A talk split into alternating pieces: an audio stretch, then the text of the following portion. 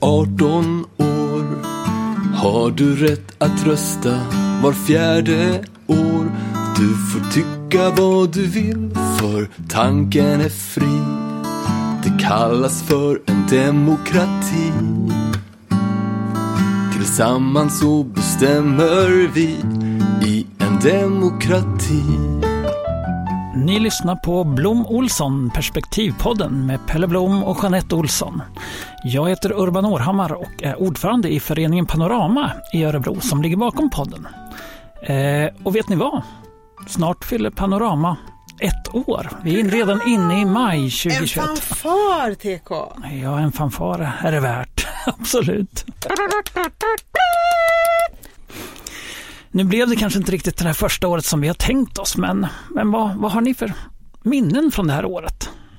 Nej, men minnen, det har ju varit mycket förberedelser har det blivit istället och planer och att man ska göra saker som inte har blivit möjligt att göra naturligtvis. Och det har ju, ju suttit och pratat flera gånger om att vi, ja men nu måste det väl öppna upp sig så vi kan få träffa folk. För att stora delar av det vi håller på med, eller nästan allt vi håller på med, handlar ju om att man ska möta människor och prata med människor och liksom eh, utbyta tankar och idéer. Så på så sätt har det ju varit ett litet fiaskoår på, på, på sätt och vis. Men å andra sidan har vi fått möjlighet att eh, gruppera oss och fundera igenom på vad vi vill göra och, och faktiskt nätverka och, och skapa kontakter.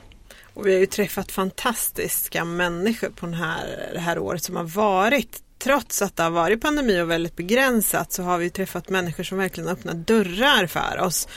Eller Johan på Hive som liksom sponsrar oss med delar i lokalen och sådär. Så att det, det, finns ju, vi har ju fått otroligt fina kontakter. Men det, det som också har varit, det har varit ett lärande under det här året. Alltså inte bara för att vi har gått i skolan utan därför att själva pandemilagen liksom visade hur skört det är det varit någon slags bevis utifrån det som vi har tänkt och det som vi har skönjat och sett under de här åren som vi har jobbat med det här. Så vart det så tydligt att det, det faktiskt finns sådana begränsningar och att vi är väldigt sårbara i demokratin. Sen tänker jag också det här att vi har hunnit planera och tänkt igenom och vi har fått nya medlemmar och Tyvärr har vi inte hunnit träffat alla eftersom vi inte har kunnat ses då, men vi, vi pratar ju idag om att ha demokrati Tipspromenader i stan, att ha bokcirklar, demokratibok, att ha filmkvällar. Eh, så vi väntar ju bara på att eh, liksom restriktionerna ska släppas så att vi kan börja göra saker tillsammans med andra. För det är egentligen det som är avgörande. Därför att det är ju där vi ska verka, i det lilla, där demokratin som vi har sagt hela tiden har legat liksom på en högre nivå och kanske många upplevt har ägts av politiken. Och där vill ju inte vi att så ska det Men det har ju blivit vara. mycket diskussioner om demokrati eh, i år överhuvudtaget. Det, har ju, det ena delen är som du säger med pandemilagen eller att pandemin har har ju skapat frågeställningar som har gjort att eh, agendan har blivit mycket mot demokrati. Men sen naturligt också att eh, demokratin fyller 100 år så har det ju blivit en naturlig del där också. Men det är också det som har varit ganska intressant när vi har hållit på att jobba med det. Är ju att se att samtidigt som politiker och eh, ja, framförallt politiker och, och den som, som tar besluten kring det politiska som eh, som faktiskt är lite mot varandra. Man, när man pratar pratar man hela tiden om demokrati och, och mänskliga rättigheter. Men faktum är att en hel del saker som har liksom, eh, där man liksom petar i det som är precis tvärtom. Mm. Att det inte är demokrati, det är inte kanske mänskliga rättigheter alla gånger. Så att, det är precis som att eh, lättvindigt bara med vissa besked som de har gett men samtidigt så, så pratar man, ja det är jätteviktigt med det här med demokrati. Mm. Så att det är liksom någon sorts dubbelhet i, i alltihopa tycker jag. Och det, dubbelheten har vi väl egentligen märkt under året också där vi har sett att vi är ju så små lilla föreningen Panorama och vi drivs ju egentligen av ren övertygelse mot att vi vill ha ett gott samhälle liksom, där vi ökar kunskapen och medvetenheten om demokrati och där har vi ju också sett att det finns stora organisationer, det finns många som har uppdraget demokrati och vi saknar ju den här delen där man samverkar. Det ligger liksom ett annat intresse från olika perspektiv. Vi vill ju liksom in med demokratin hos folket, hos, hos medborgarna.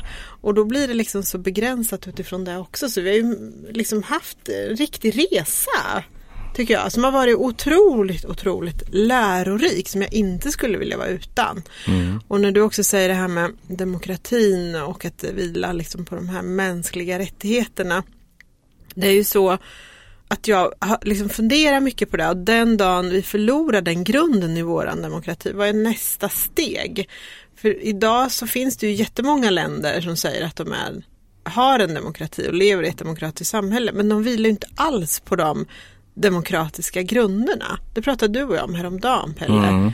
Det finns de som har en ekonomisk demokrati, att det är marknadsekonomin mm. som styr och att det är där man bara har den demokratiska. Så jo men även halvdemokratier eller diktaturer kallar sig själva för demokratier idag på olika sätt och vis. Så det, det, är sådär, det, det, är som, som med andra saker, de definierar sig som demokratier fast de är diktaturer, för det får man göra. Precis som vi alla får, får göra det, definiera oss som vad vi vill någonstans där. Men nej men det är jätteintressant det där hur Eh, Eh, och jag vet, vi, så det samtalet som du pratar om där också var ju lite, vi pratade om med, med en, en, man som heter Martin Karlsson som eh, vi förhoppningsvis kanske kommer ha med här någon gång då. Liksom, eh, hur det, alltså det, det, är inte hans ord att han sa så utan i den samtalet så, så pratar vi mycket om de här, de här rörelserna, folkrörelserna som har varit i Sverige som har varit jättebra för Sverige för att ha byggt Sverige och gjort väldigt mycket bra för. Men att det faktiskt idag i ett annat samhälle där eh, medlemsantalen går ner, det är mer individualism och en helt annat fokus på individer och, och man väljer personer och sånt där. Att, att det faktiskt har gjort att vi är vana med de folkrörelserna gör att vi, vi är vana att det är någon grupp som ska ta besluten åt oss. Att vi är inte så engagerade i demokratin. Alltså att det skulle kunna vara en anledning till det, varför vi står här. Att, att vi har upplevt att folk inte vet, bryr sig eller vad det nu är för någonting. För att det är någon annan som har gjort det, för man har kanske tillhört någon typ av organisation eller rörelse där det faktiskt finns folk som har jobbat åt den hela tiden. Så då, därför tar man det för givet. Mm. Jag säger inte att det är, men det är lite, vi pratade om det och, och kanske att det är att vi är på väg in i ett, ett annat typ av samhälle när det handlar om den här typen av frågor. Och det som också driver oss i det här som vi, som vi liksom försöker att öka kunskapen kring och hur vi pratar, det är att vi inte har någon politisk viljeinriktning.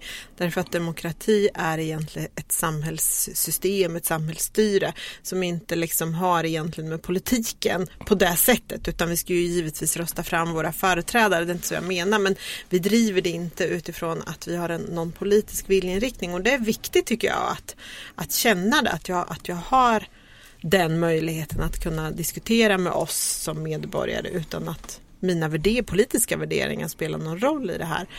Och i och med det så vill jag faktiskt ha sagt att vi är på gång nu att faktiskt dra igång en rörelse på riktigt en demokratirörelse och där vill vi ju verkligen att ni alla som lyssnar hjälper oss att få igång den här rörelsen. Det finns ju just nu faktiskt rätt många som håller på att jobba med de här demokratifrågorna men alla jobbar på olika håll. Och eh, ska man få igång en rörelse så är det bra om man börjar jobba tillsammans för tillsammans är starkt och, och eh, där vore ju det bästa om faktiskt att man kunde knyta ihop olika trådar och, och faktiskt göra en gemensam sak. Man behöver inte jobba med exakt samma saker men att man i någon sorts slutprodukt jobbar åt samma håll och får en, ett tryck i det, i det meddelande man vill liksom ut med. Något. Så att eh, det vore intressant om man kunde få fler att komma, komma samman helt enkelt. Du är så otroligt ödmjuk, det kan vara intressant att få folk. Jag bara, nej men vänta, vet du vad? Jag vill att vi uppmanar människor att ta ställning. Vi kan ju inte bara titta på. Det håller ju på att hända saker i vårt samhälle där vi faktiskt urholkar demokratin. Som vi inledde, pandemilagen har ju uppmärksammat på hur skört det kan vara och att man faktiskt är där och inskränker. Och jag tänker nu, jag såg på något sånt här Facebook-inlägg här att de partier som finns, det kanske behövs någonting annat nu. Och då kanske vi är de som är någonting annat. Ja, det är, det är ytterligare en del av, av eh, den politiska utvecklingen. Vi, vi, har ju i Sverige varit väldigt vana med att det är ett eh, socialistiskt block på ena sidan och sen ett borgerligt och sen är det flera, några partier då som går lite emellan och som eh, men det har ju varit ganska, i alla fall under min livstid har det varit samma, i princip samma eh, partier då. Något som har kommit in och något som har åkt ut kanske. Men det är inte omöjligt att det kommer att beroende på det vi har sett på slutet nu med all debatt kring Liberalernas ställningstagande där, där det faktiskt är många liberaler som inte känner sig hemma där och börjar prata om att vi kanske behöver starta ett annat parti. Det kanske dyker upp ett nytt där.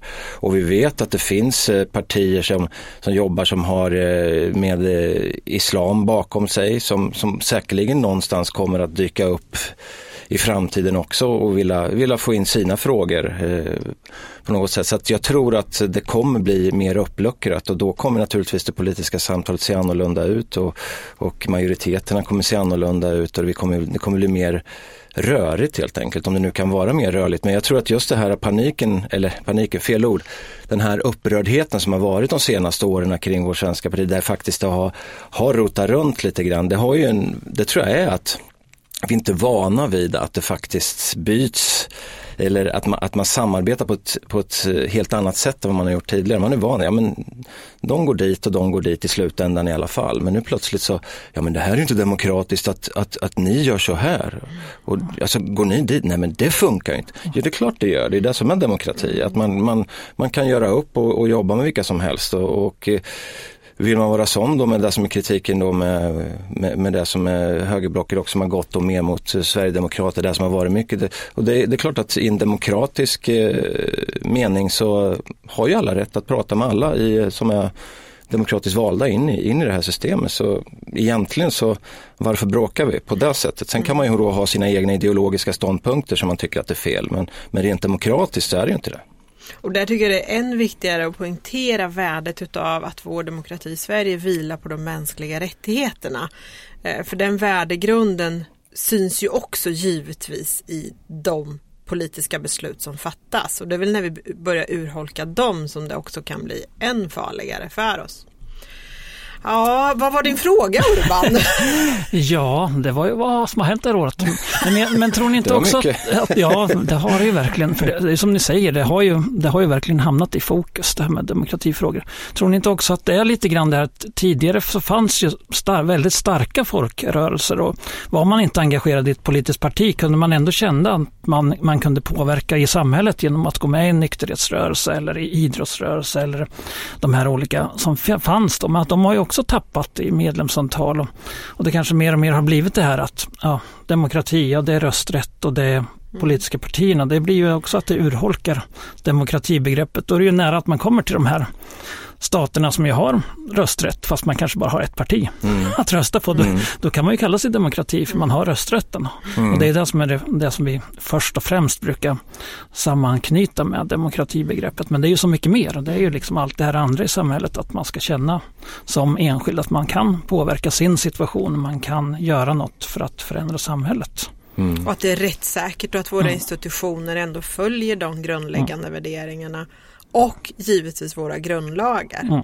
Men det är också intressant för att jag menar eh, nu har inte jag siffror på det, här men just det här med medlemssamtal som du pratar om, det, jag, jag som kommer från idrottsrörelsen, jag vet ju att det, där är det ju problematiskt och nu definitivt under pandemitiden, men om man tittar på politiken så är det också ett jätteproblem att få medlemmar in i, parti, i politiska partier och, och eh, får man inte in folk där som jobbar, då kan man ju fråga sig vad, hur, hur är, vad säger man, Leg legaliteten, finns det något som heter så? Legitimitet. Legitimiteten, mm. så kanske det heter. Jag vet Tack. inte. Ja, men mm. typ något sånt. Mm. Nej, men i besluten som tas, är det till exempel, låt säga nu, jag bara spekulerar nu, låt säga att eh, ett av riksdagspartierna som inte är jättestora eh, tar vissa beslut som går emot väldigt mycket vad många tycker. Är det då en grupp kanske då som har tagit kommandot i, den här, eh, i det här eh, partiet. Och kanske 10-15 stycken som faktiskt har bestämt sig för det är det här vi ska köra. Och sen så mosar man på med, eh, med påtryckningar och, och så kör man hela vägen ut.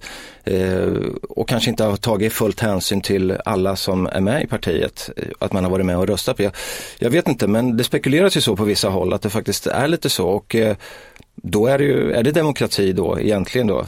Att, man har, att vi har röstat, alltså folket har röstat fram att de sitter med där men det, men det är en väldigt liten, har de fått, alltså man brukar säga att ja, men har vi röstat in dem så har de ju majoritet att ta alla de här besluten. Men om det bara är en liten grupp hela tiden som är med och röstar, är det då verkligen rätt? Förstår ni vad jag menar? Absolut, och jag tänker det är väl så det har faktiskt, det har ju blivit så otroligt tydligt nu under själva pandemin. Att där har ju liksom nämndord, eh, alltså nämndledamöter och alla möten egentligen den, inom den politiska halverat, minst halverat närvaron. Så vem är det som är utsänd då för att företräda det här partiet och vem väljer man då och vilken ståndpunkt och är det man alltså jag tycker det är jättetydligt. Ja, Pandemin... Vem kan opponera sig framförallt då? Ja. Liksom? Vem har möjlighet att göra det om man inte har den åsikten. Liksom. Och, och, så tänker jag på den digitala tekniken. Vi har väl alla sett de här parodifilmerna som är där ljudet stängs av och någon blir en katt. Och, eh, alltså det är ju inte lätt att vara seriös och liksom fånga upp det här som jag kanske Jag tror att vissa har fått avbryta vissa, i, i, några kommuner i Sverige har jag för mig att jag sett att för att tekniken fallerar. Då har mm. nej, men vi, vi struntar i det här, vi går vidare, vi mm. vänder blad. Mm. Någonstans, så, och så man, tar man det nästa gång, kanske, eventuellt. Och så tar man inga beslut just den gången. Nej, det, jag tror att det är mer vanligt än vi kanske vet. Ja, och sen att färre blir aktiva i partierna betyder ju också att partierna har mycket färre kontaktytor ut mot mm. oss vanliga medborgare. Och de, de, kan ju rimligtvis inte, de, de få som är riktigt aktiva, de kan ju rimligtvis inte hinna ut och prata med vanligt folk, utan de sitter i sina möten och de sitter i sina sammanträden. Och det blir också ett väldigt stort problem med eh, det långsiktiga demokratiska underlaget och att man lyssnar på folk först och sen bereder man sina frågor och, och för dem vidare uppåt. Det blir ju precis som du säger, tvärtom, mm. att det kommer uppifrån och trycks neråt. Ja, frågan är liksom, apropå folket, och det är ju, vi vet ju att lobbyister har ju liksom en hel industri med lobbyism som ligger med sina frågor och lägger fram och utredningar och, och forskningsrapporter och alltihopa. Men och om man då tänker sig att inte politikerna har, har, tid att ge sig ut faktiskt och prata med så kallat vanligt folk inom citationstecken då, utan bara läser och håller sig i sina egna salonger och sen får påtryckningar från lobbyister det är ju klurigt också. Alltså det, och jag förstår att de har ju hur mycket att göra som helst så man hinner inte läsa alla. Jag har ju förstått att det är buntar som är helt enorma. Även om du är en deltidspolitiker i Örebro, kom, Örebro kommun här så, så har du ju jättestora lunter att, läsa igenom. Så det, det, jag förstår att de inte hinner men, men det är klart att det är då som du säger att det är då det är viktigt att man har då utspringare i de olika mm. kommundelsnämnder som man kallar det för, i olika bostadsområden. Alltså det var ju väldigt starkt. Jag menar, jag vet, jag kommer ihåg i, i Markbacken där jag växte upp, liksom, det var ju Socialdemokraterna, de var ju starka överallt på den tiden, men de hade ju ett jättestarkt fäste liksom, i Markbacken där de bedrev väldigt mycket verksamhet. Så att, och, och där skulle ju alla partier behöva ha för att vara ute faktiskt och prata med va vanligt folks eh, problem och utmaningar och deras liv. Hur ser det ut? Vad behöver de? Vad är det, vad är det, hur? Alltså jag tror det är väldigt få politiker som har koll på till exempel det att leva i förortsområden. De åker ut någon sväng med lite poliseskort och kollar läget lite. Sen, ja, ja, men det är så det är. Prata med någon som är utsänd. Det är nästan som Nordkorea. Nej men Pelle, nu tog du väl i? Nej, jag överdriver. Man måste ju få överdriva ibland. Nej, men du, du förstår vad jag menar. Det är ju ofta så. De åker ut i en grupp liksom, och så pratar ja. de med några som är utsända där. Som... Ja, och vilka företräder de i sin ja, tur. Och sen ska kommunikatören packa ihop det här så ja, att jag sen ska säga dessutom. rätt saker. Och det jag säger inte att det är lätt, ursäkta att jag avbryter, men jag säger inte att det här är lätt. Jag bara säger att det blir problematiskt om man, alltså alla de här sakerna tillsammans skapar ju ett problem till kopplingen till det du Urban är inne med, med folket då, om vi uttrycker det på det sättet. Ja, men jag, jag ser det här och det, jag, jag förstår vad du, vad du liksom försöker få oss att liksom se. Men, men det jag också tänker är att ingenting är ju omöjligt. Och jag tror att majoriteten av alla människor faktiskt vill ha ett gott samhälle. Och jag tror inte politi, politi, de som engagerar sig politiskt när de går in gör ju därför att de vill vara med och påverka och förändra. Sen händer det någonting på vägen. Alltså vi kanske börjar behöver titta på våra strukturer och hierarkier och hur lätt är det för en ny att ta sig an och komma in i politiken. Jag har hört skräckhistorier om hierarkier hierarkiska strukturer som liksom trycker ner och inte släpper in och eh, motioner som skrivs som ingen läser, som folk sitter i timtal och skriver. Varför? När det egentligen är precis som du säger Urban, vad är det människorna i samhället säger? För det är oss man företräder. Och där står vi ju rätt så långt ifrån varandra. Nu säger du samma sak som jag, fast, jag du, fast du försöker vara förstående. Skärp dig. Fast jag är en ko. ja, precis. Ja, dina anteckningar på ja. Ehm, ja, nej men alltså visst, jag ser samma sak. Men jag, jag, nej, men jag fattar, det, det är inte det är där jag, jag vill inte hoppa på individer för jag tror också att ger man sig in i politiken gör man det oftast, jag säger inte alltid, oftast för att man faktiskt bryr sig om vissa mm. saker. Det kan vara en fråga man kommer in och så jobbar man med andra frågor sen också. Så det är inte så att jag tror att de är illvilliga men det är klart, sen finns det karriärister också som ser en karriärväg precis som på andra ställen. Att, och i och med att det är så få medlemmar så är det nog hyfs, om det, om det inte är det här med hierarkin då i, i de större partierna men mindre partier är nog ganska lätt att ta sig fram till en, till en position mm. där man faktiskt börjar få makt och kanske till och med kan komma in och få lön och kanske till och med ta sig till riksdagen. Jag tror inte det är så svårt i de mindre partierna om du verkligen är en streber och vill och spela dina kort rätt. Mm. Så det är klart att den delen finns också men i det stora hela så ger man sig oftast in för att man faktiskt bryr sig om saker. Men sen är det systemet då, hur ser det ut? Finns det möjligheter att ta liksom det här som du pratar om? Mm. Ja du Urban, vad var det du frågade att vi skulle svara på? Det, det, du pratar ju, det är ju två snackpåsar här. Ja, nej men vi pratar ju om året som har gått och det, det är lite, blir ju en liten sammanfattning av vad, vad, vi liksom har diskuterat oss fram till och hur, vad vi ser för, för strömningar i samhället när det gäller demokrati. Men under det här året har vi också lovat lite saker. Bland annat har vi lovat att vi ska ta upp våra grundlagar. Så det, så det är kanske är dags att vi ska börja på att beta av dem en efter en. Ska vi ta su su successionsordningen? Vi börjar med successionsordningen. Den är Eller kan du också vi... säga det? Successordningen. vi har tränat en liten stund innan vi gick i sändning. Successionsordningen. Ja. Var det rätt? Bra. Jag, gjorde, hörde, jag sa det tyst så att det inte skulle höras. Man smyger lite med det, så, så blir det bra. Det är ju faktiskt vår äldsta grundlag och den togs ju här i Örebro 1810 när vi skulle ha hit Bernadotte som kung. Då, så att successionsordningen är, den bestämmer ju helt enkelt vem som är tronföljare i, om vem som blir kung eller drottning numera. Då. Så att, och det var ju riksdagen i Örebro 1810 som tog den för att man ville förbereda för den första Bernadotten som man då plockade hit från Frankrike. Och sen har det varit Bernadotterna. Och kan man ju undra vad det här, liksom, den, den lagen kanske känns ganska långt från demokrati idag. Då var det ju väldigt, då hade ju kungen en väldigt stor makt. Idag ser det lite annorlunda ut, men det är ändå, jag tycker ändå den är ganska intressant att diskutera ur demokratiskt perspektiv. Då. Den ändrades ju 1980, då hade man röstat i riksdagen 78 och 79. För tidigare var det ju bara den äldste sonen som kunde, då var det ju kungar rakt igenom. Men då ändrade man ju så att vi fick en kronprinsessa, Victoria istället. Carl Philip han fick vara kronprins några få månader tror jag, innan lagen gick igenom. Då första, jag tror den gick igenom första januari 80 till och med. Så att han, han hann födas men han, då var det redan på gång. Då var det det här som vi har pratat om tidigare att två, två olika riksdagars beslut måste det vara för att ändra grundlagen. Mm.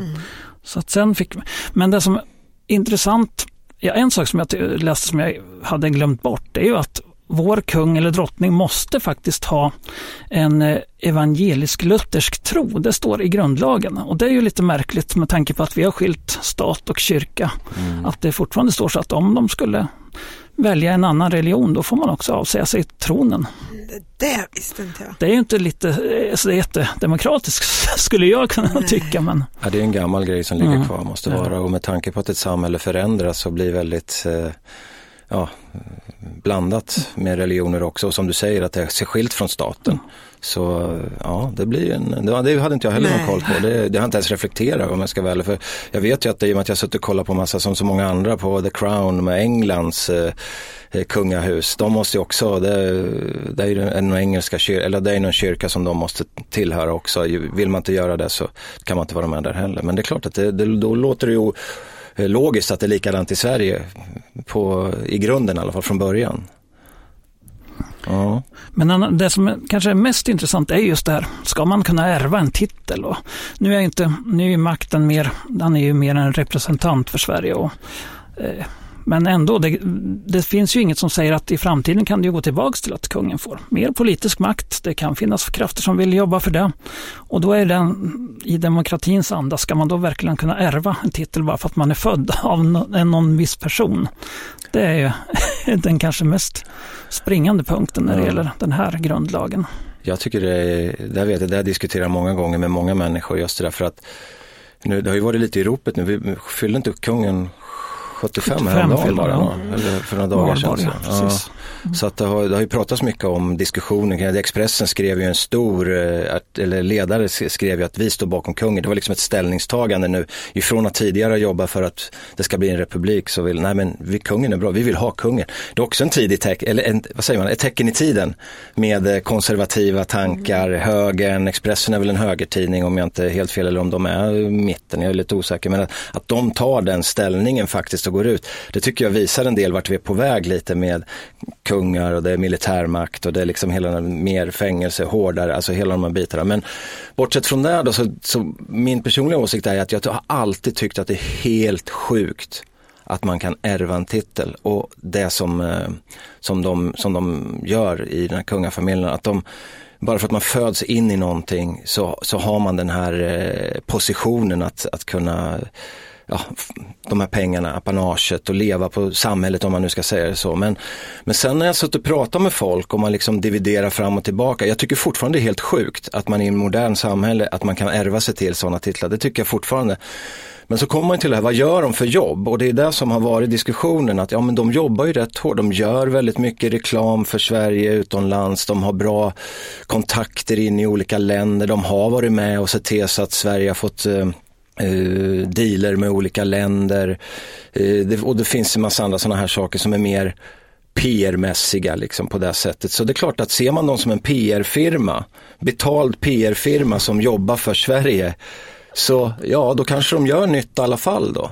Och, och, och då kanske det är rätt ändå på något sätt när vi pratar just nyttan av det. Men rent i grunden så är det ju helt sjukt att man faktiskt ärver titlar idag. Och ja, Ja, jag gillar ju kungahusen, jag gör ju det. Oavsett vilket land. Ja, ja, ja. Jag gillar mest egentligen Storbritanniens och sen vårat svenska. Och jag tänker apanaget som de får, det får ju de för att de faktiskt gav alla sina tillgångar till staten. Så i utbyte får de liksom en årlig peng. Sen har ju familjen vuxit Får jag säga, det där har du sagt Nej. till mig. Jo men det där har du sagt till mig. Nu vill jag ja men jag vill att du utvecklar. Kan inte du göra det om det, om det Vad finns möjlighet? Nej men just det här med, med att de har fått det för att de sålde av sin mark. Alltså vad, hur då och när då? Alltså har du koll på liksom vad Vilka de grund... år det var? Nej nej men just själva grunderna. är väl- 1837, nej men det, det kan väl inte jag. Alltså det, det rör sig ju historiskt bak i tiden, liksom när man gjorde det här upproret att egentligen förflytta makten från kungahuset till en tjänstemannastyrt Mm. Sverige. Eh, här får du gå in för du är mycket bättre på det här. Vad är det du kallar honom? Mr Brain? Mr Brain ja. Ja. så Ubbe, du får gå in och, och stötta mig i det här. Och då så, så var det också så att för att kungen då skulle kunna få ett underhåll så gav han all mark och, och egendomar till staten. Mm. Så Ja, att men- de fick det som en liksom, ja men, Ja men det var det jag var ute Ja. efter. Det var det jag ville få liksom vill, bara... du vill ha detaljerna, Nej men, nej, detaljer. men liksom det, du vill ha lyssnare här, de kanske, du, man, sammanhanget tänker jag liksom. Att inte bara, ja men de har fått det här liksom sådär, men nu har du förklarat det, att det var jag så. trodde du tänkte att jag skulle säga ja, 18 juni 1863, då sa de. Nej men alltså det är bakgrunden till att de gav upp då och då gav de ju också upp sin rätt att styra Sverige. Utan de gav det liksom. Och, jag, och ska jag vara riktigt ärlig så kommer jag inte ihåg nu men det var ju faktiskt en man som ledde det här arbetet väldigt strategiskt att driva det mot ett mot liksom en, ett, ett tjänstemannastyrt Sverige istället för och det var ju också i samband med någon kung som höll på där. Ah, jag kommer inte ihåg. Men det var jättespännande. Men därför så är det att våran kung och kungahuset har ett apanage och de marknadsför och de gör fin PR för Sverige och jag, jag tycker de är goda representanter. Alltså jag tycker det. Ja men det har inte jag sagt något annat om heller, men är det demokratiskt? Det är där frågan Urban man ställer kan, alltså, det är ju inte odemokratiskt.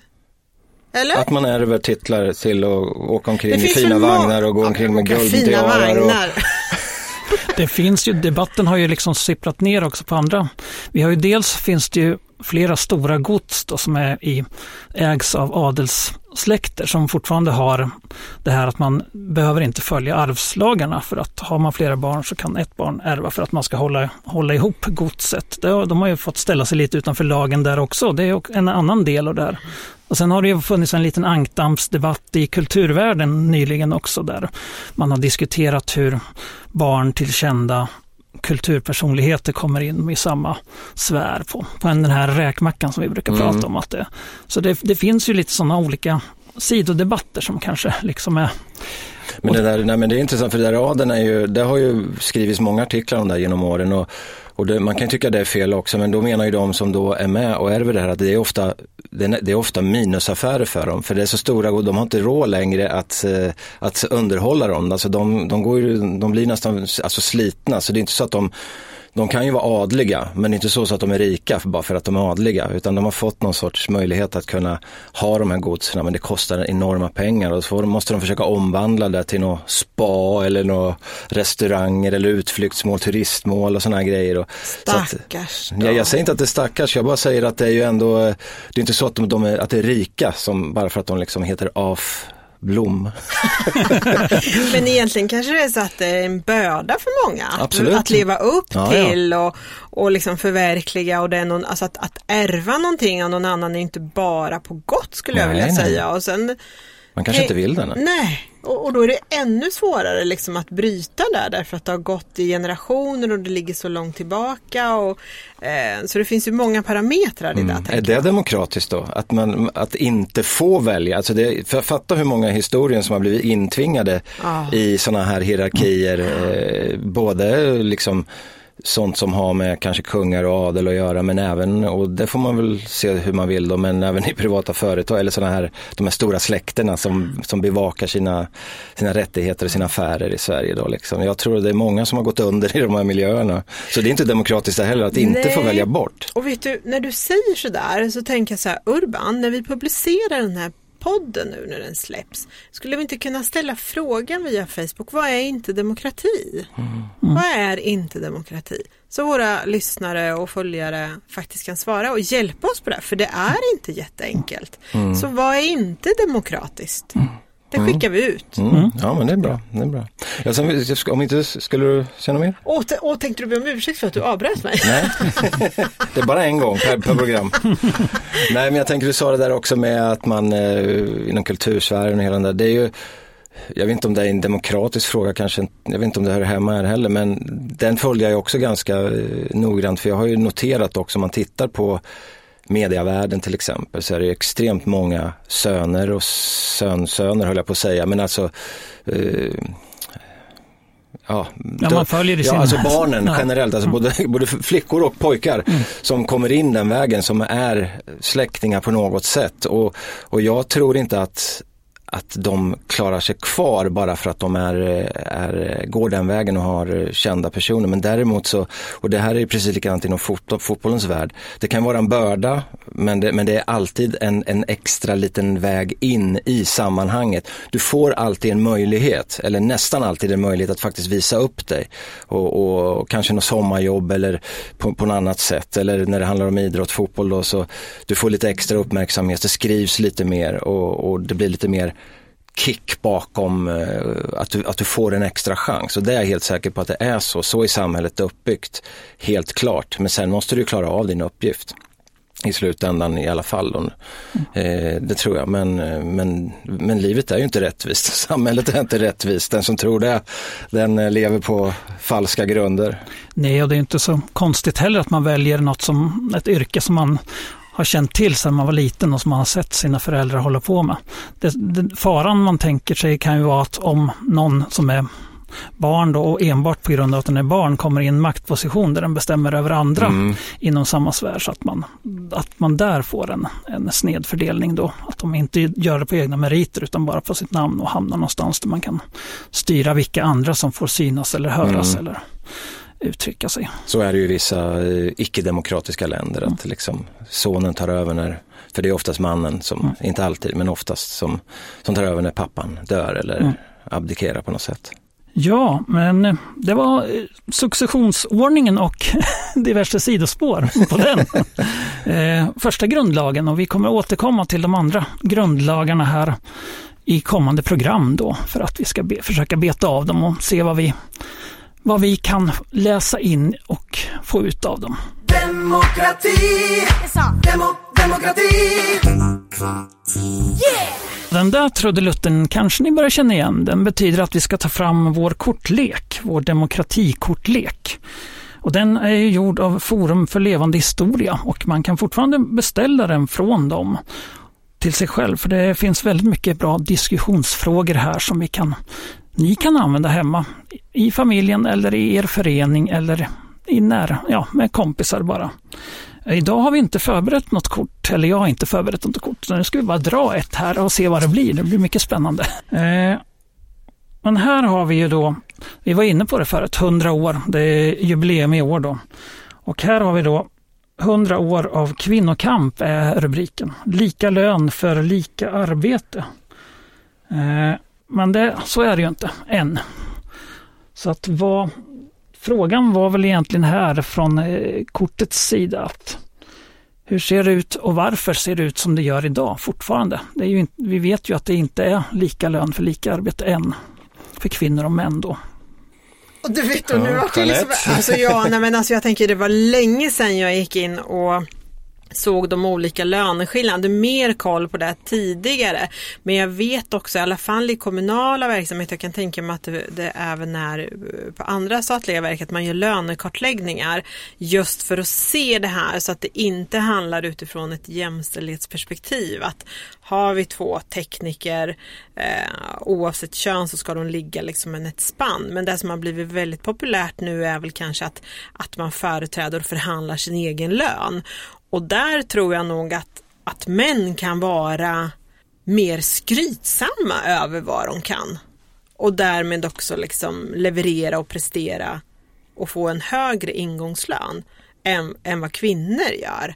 Eh, och, och, det är ju bara egentligen att lära av männen att vi också ska kunna slå oss för bröstet och tala om. Och det är ju det, och nu, till ytterlighet då menar jag så att det skulle kunna komma in en eh, snickare och söka jobb som hjärnkirurg och det skulle han klara, det är inga problem. Det är ungefär samma verktyg. Alltså förstår ni, det är liksom den självbilden att eh, Medan kvinnan kanske är lite mer ödmjuk och jag kanske pratar jättegammalt nu. Jag har ingen aning, mm. jag har inte tittat på det ja, Jag så måste länge. erkänna att jag, jag vet inte om jag har några egentliga kunskaper i grunden. Jag kan ju spekulera lite grann och föra fram en tanke som jag har ibland funderat på.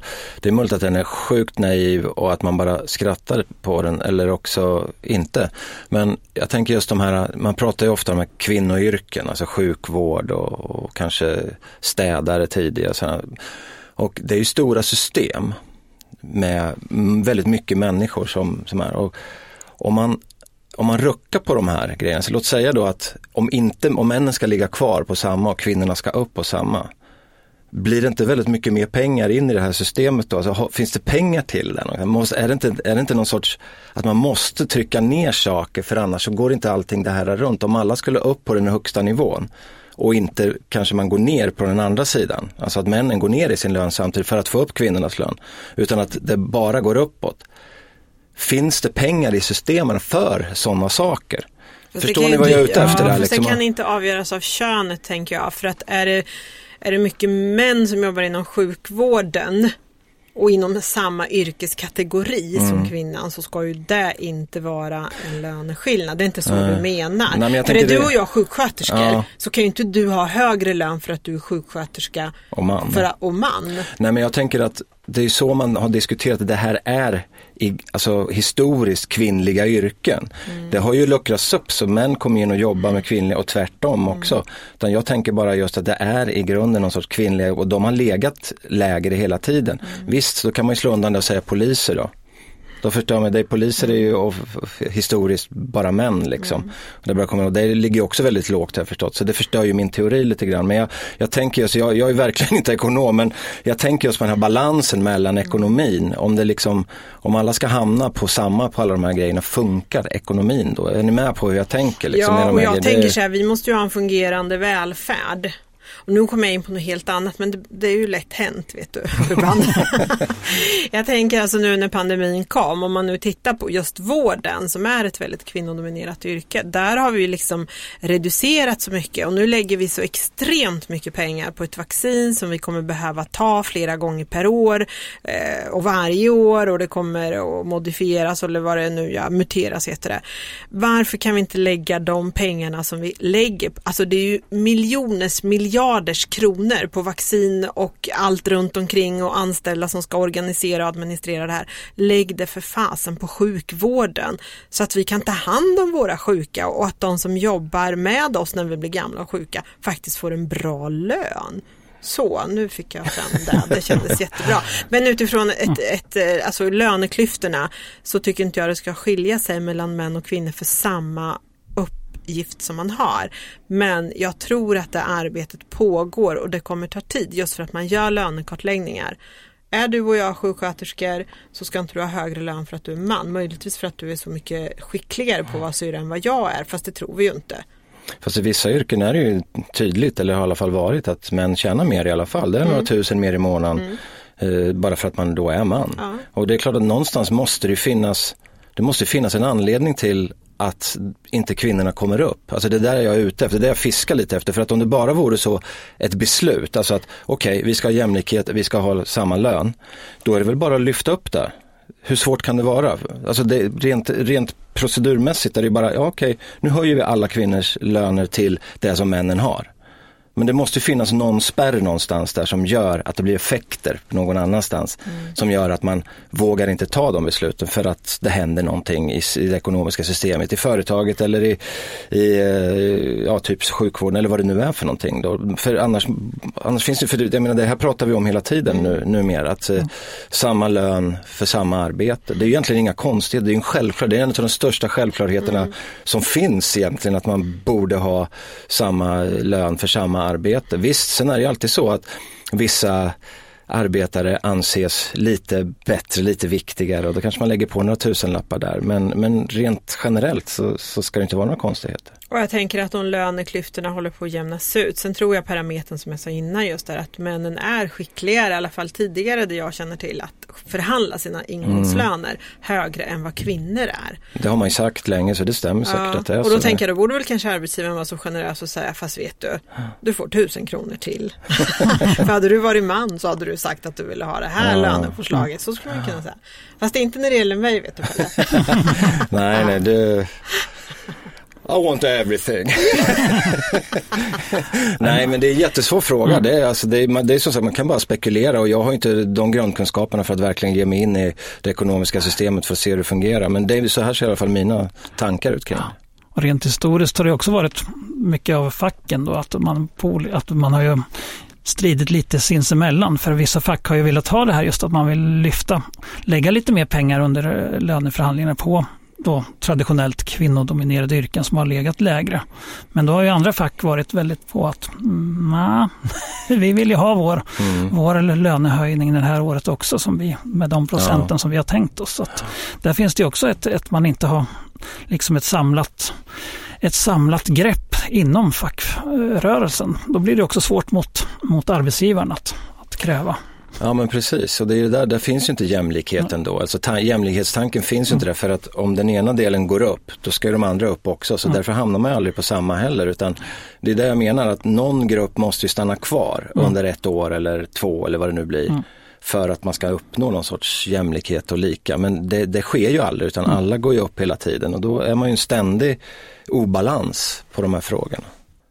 Ja, du tittar var, på mig ja, men alltså, jag, jag, tror inte jag har något mer att tillägga den. Jag har inga siffror, jag har bara synpunkter, mm. perspektiv. Ja, jag känner också att den där frågan har man nog lite för lite grundkunskaper, men så är det när man drar ett kort ur. Det var spännande. Det är en perspektivpodd det här. Ja. Vi får prata om saker som vi inte har hundra koll på också. Eller ingen aning om. Det ja, går bra dessutom det med. men det jag skulle vilja skicka med som i, i sluttampen här, det är att var med på våra aktiviteter när de kommer. Vi väntar bara på att det ska få öppna upp och då kommer vi anordna och du får jättegärna höra av dig till oss om du tycker att det här borde ni ta upp eller det här skulle jag vilja göra i föreningen. Du får gärna bli medlemmar och än mer uppmuntra öppna upp, heja på oss när vi drar igång och gå gärna med i demokratirörelsen. Nej men det var väl sagt och sammanfattande. Idag har vi ju pratat en hel del om allt. Vi har pratat om det här året. Panorama fyller ett år här i maj och vi har pratat lite om året som har gått. Vi har fyllt upp ett löfte att börja prata om grundlagarna som vi har sagt några gånger att vi ska och vi började då med den svåruttalade successionsordningen. Så vi pratat lite om pandemin som vanligt och hur den påverkar oss. Och så drog vi ett kort ur demokratikortleken som man kan beställa från Forum för levande historia. Som den här gången handlar om lika lön för lika arbete. Eh, så vi tackar för oss för den här gången och trevligt att ni har lyssnat. Och det ni har lyssnat på är Blom Olsson Perspektivpodden med Pelle Blom och Jeanette Olsson. Jag heter Urban Århammar. Ljudtekniker, som vanligt, vår hjälte Thomas T.K. Karlsson. Vi vill också skicka ett stort tack till vår sponsor Hive i Örebro.